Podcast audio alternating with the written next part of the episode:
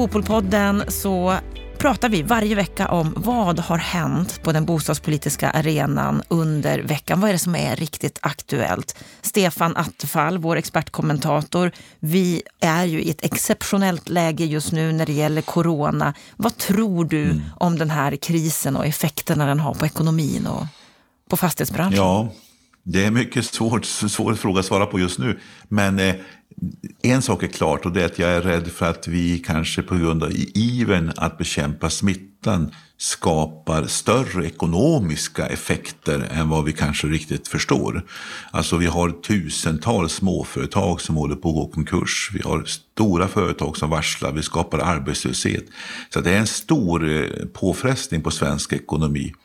Och det här berör ju hela ekonomin, eh, men kanske framförallt då restaurangnäring, transporter, eventföretag etc. Hotell och sådana saker som ju får den största effekten direkt.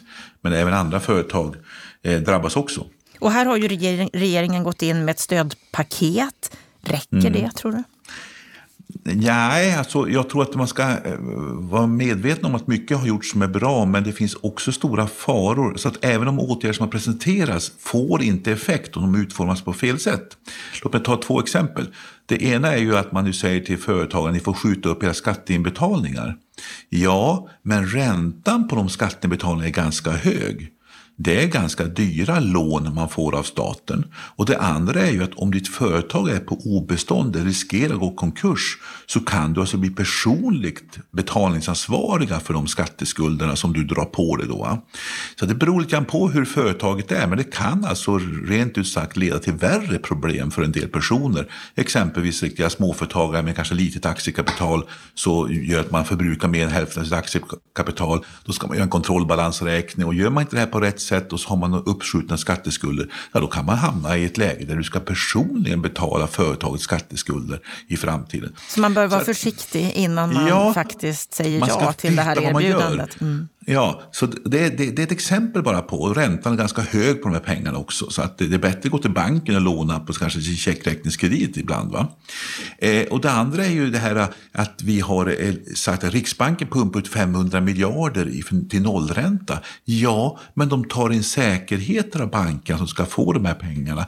Eh, I statsobligationer exempelvis. Men statsobligationer har man inte så mycket numera, för då har Riksbanken köpt upp sen tidigare. Då måste man köpa sådana på marknaden och det är ofta en dyrare upplåning än det man får på traditionellt sätt. Så att eh, det är inte säkert att bankerna vill utnyttja det här uttaget och då får du ganska liten effekt på ekonomin.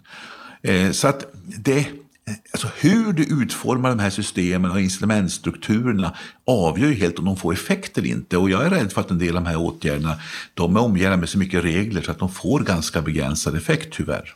Mm. Det här slår hårt mot många företagare, många branscher och när man tittar på just eh, fastighetsbolagen så, så är det många av mm. dem som har hyresgäster som just nu drabbas hårt. Vad, vad betyder det? Ja, alltså det är klart att de bostadshyresgästerna, så här, de är ju Alltså det som kan drabba dem det är om de skulle drabbas av arbetslöshet och inte få ersättning av a-kassa och liknande saker. Men det är inte den stora effekten. Jag tror att de lokalhyresgästerna har kanske större problem. Eh, Eh, så att där, och, där, och särskilt de som har kanske restauranger och andra som kan få stora problem med sina inbetalningar av hyror och liknande saker. Eh, sen vet jag också att en del fastighetsbolag kan ha problem att finansiera sig på obligationsmarknaden just nu. För nu är det så osäkert att obligationsmarknaden fungerar dåligt just nu. Det är förhoppningsvis temporärt, några veckor, där det kan vara lite skakigt. Men det är ett exempel på oro som också bidrar till att aktiekurserna sjunker på fastighetsbolagen. Mm. Men eh, man, har man lokalhyresgäster, då har man ju en utmaning nu. Hur får jag igång handeln i de här eh, lokalhyresgästernas restauranger och frisörsalonger och, och andra typer av småaffärer som man kanske har om man inte är en stor kommersiell aktör med köpcenter och så, för de har ju speciella utmaningar. Vad kan man tänka där? Finns det några, några tips? Ja, alltså, ja, självklart så handlar det om att försöka hjälpa kanske eh, trogna hyresgäster med uppskjutna kanske, eller man får kanske skjuta upp hyresinbetalningar eller kanske betala en av tre månadshyror och resten får man på avbetalning och så. Det görs ju så, ett antal sådana initiativ hör jag talas om redan nu.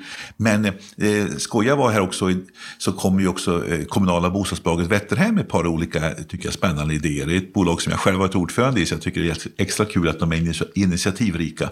Eh, dels så erbjuder de sina anställda anställda, som ofta får jobba ganska hårt nu för många är sjukskrivna, att eh, få köpa eh, mat ifrån restauranger som är i Vätterhems lokaler. Och då bjuder företag på det och betalar in dem, den förmånsskatt som det innebär. Eh, det kan vara cateringmat eller det kan vara att man går dit och käkar. Men det andra de också tagit initiativ till som är lite skojigt, det är att de ordnar ett rabatthäfte nu. Så att alla lokala hyresgäster får plocka fram erbjudanden. Det förpackas och distribueras och marknadsförs av Vätterhem så att eh, alla då hyresgäster i Vätterhems bestånd får köpa till förmånliga priser eller kanske få catering hem och man kanske får företagen att utveckla nya affärsidéer och så hjälper Vätterhem till med marknadsföra och förpacka det här och distribuera det här. Eh, och det är ju ett kul initiativ för att få igång lite lite ny, nytt hopp och lite fart i, i eh, de här ofta småföretagens eh, tuffa verklighet just nu. Mm, det är häftigt att just den här krisen vi är i också skapar nytt engagemang och nya lösningar. Hyresgästföreningen mm. de var ju ute här i, igår och pratade om att de vill ha sänkta hyror då många av just hyresgästerna, alltså de som bor i bostäder och hyreslägenheter, kan få det tufft just nu. Är det rätt väg? Ja, alltså inte generellt så tror jag inte det, för det är inte där, man ska ju också hushålla med resurserna. Men det är klart att det finns enskilda personer som kan drabbas av problem. Och där får man ju vara som fastighetsägare lite flexibel och hjälpa till och kanske inte vara den som kommer med, med, med eh, indrivningsinkassobolagen eh, det första man gör. Eh, så i enskilda fall ska man ju vara flexibel och försöka hjälpa till tror jag som fastighetsägare i den här exceptionella situationen. Men man ska samtidigt också fundera på att man gör rätt åtgärder som får rätt effekt också. Just nu så är det mycket psykologi som styr marknaden, det vill säga att ingen går ut, ingen går ut och äter, ingen går ut och handlar, man är rädd.